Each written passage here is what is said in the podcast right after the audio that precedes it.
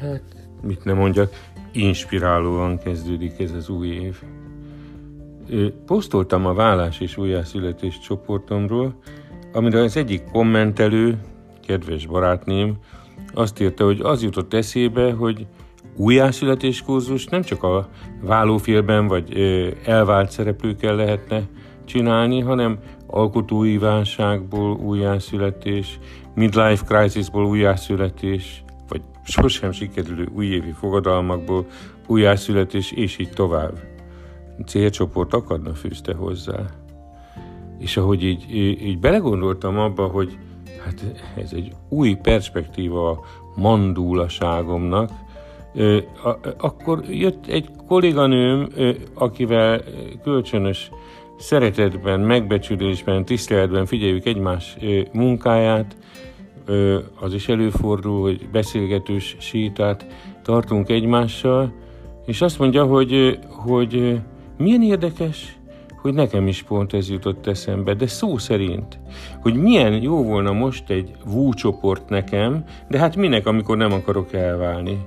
De azt tudom, hogy nagy változási folyamatban vagyok, aminek az itthon magamban szenvedek szakasza most már lejárt. Most ki kell lépnem a világba, de még nem tudom hogyan. Még az is megfogalmazódott bennem ma reggel, hogy újra vizes terápiába kéne mennem.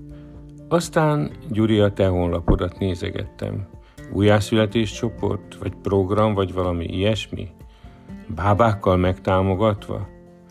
Nos, azért ö, vetettem fel most itt is a Voiceblogban ö, ezeket a hozzám szólásokat, mert nem csak inspirálva érzem magam, szokták mondani, hogy a téma az utcán hever, szóval, hogy így Tényleg, hát már volt olyan valaki, aki azt írta a vállás és újjászületés csoport, hogy engem ebből főleg az újjászületés érdekel, hogy talán érdemes lenne valóban egy ilyen csoportot életre hívni. Egyet? Vagy ha olyan, akkor többet. És most megszólítalak téged, aki ezt hallgatod, benneteket, hogy, hogy mit gondoltok erről? Mit gondolsz erről? Te konkrétan, te részt vennél egy ilyenben? Érdekelne? Milyennek képzeled? Miben segítene neked? Írjál, kérlek, segítsd a bábáskodással megszületni ezt a, ezt a gondolatot, ezt az álmot a valóságba hozni.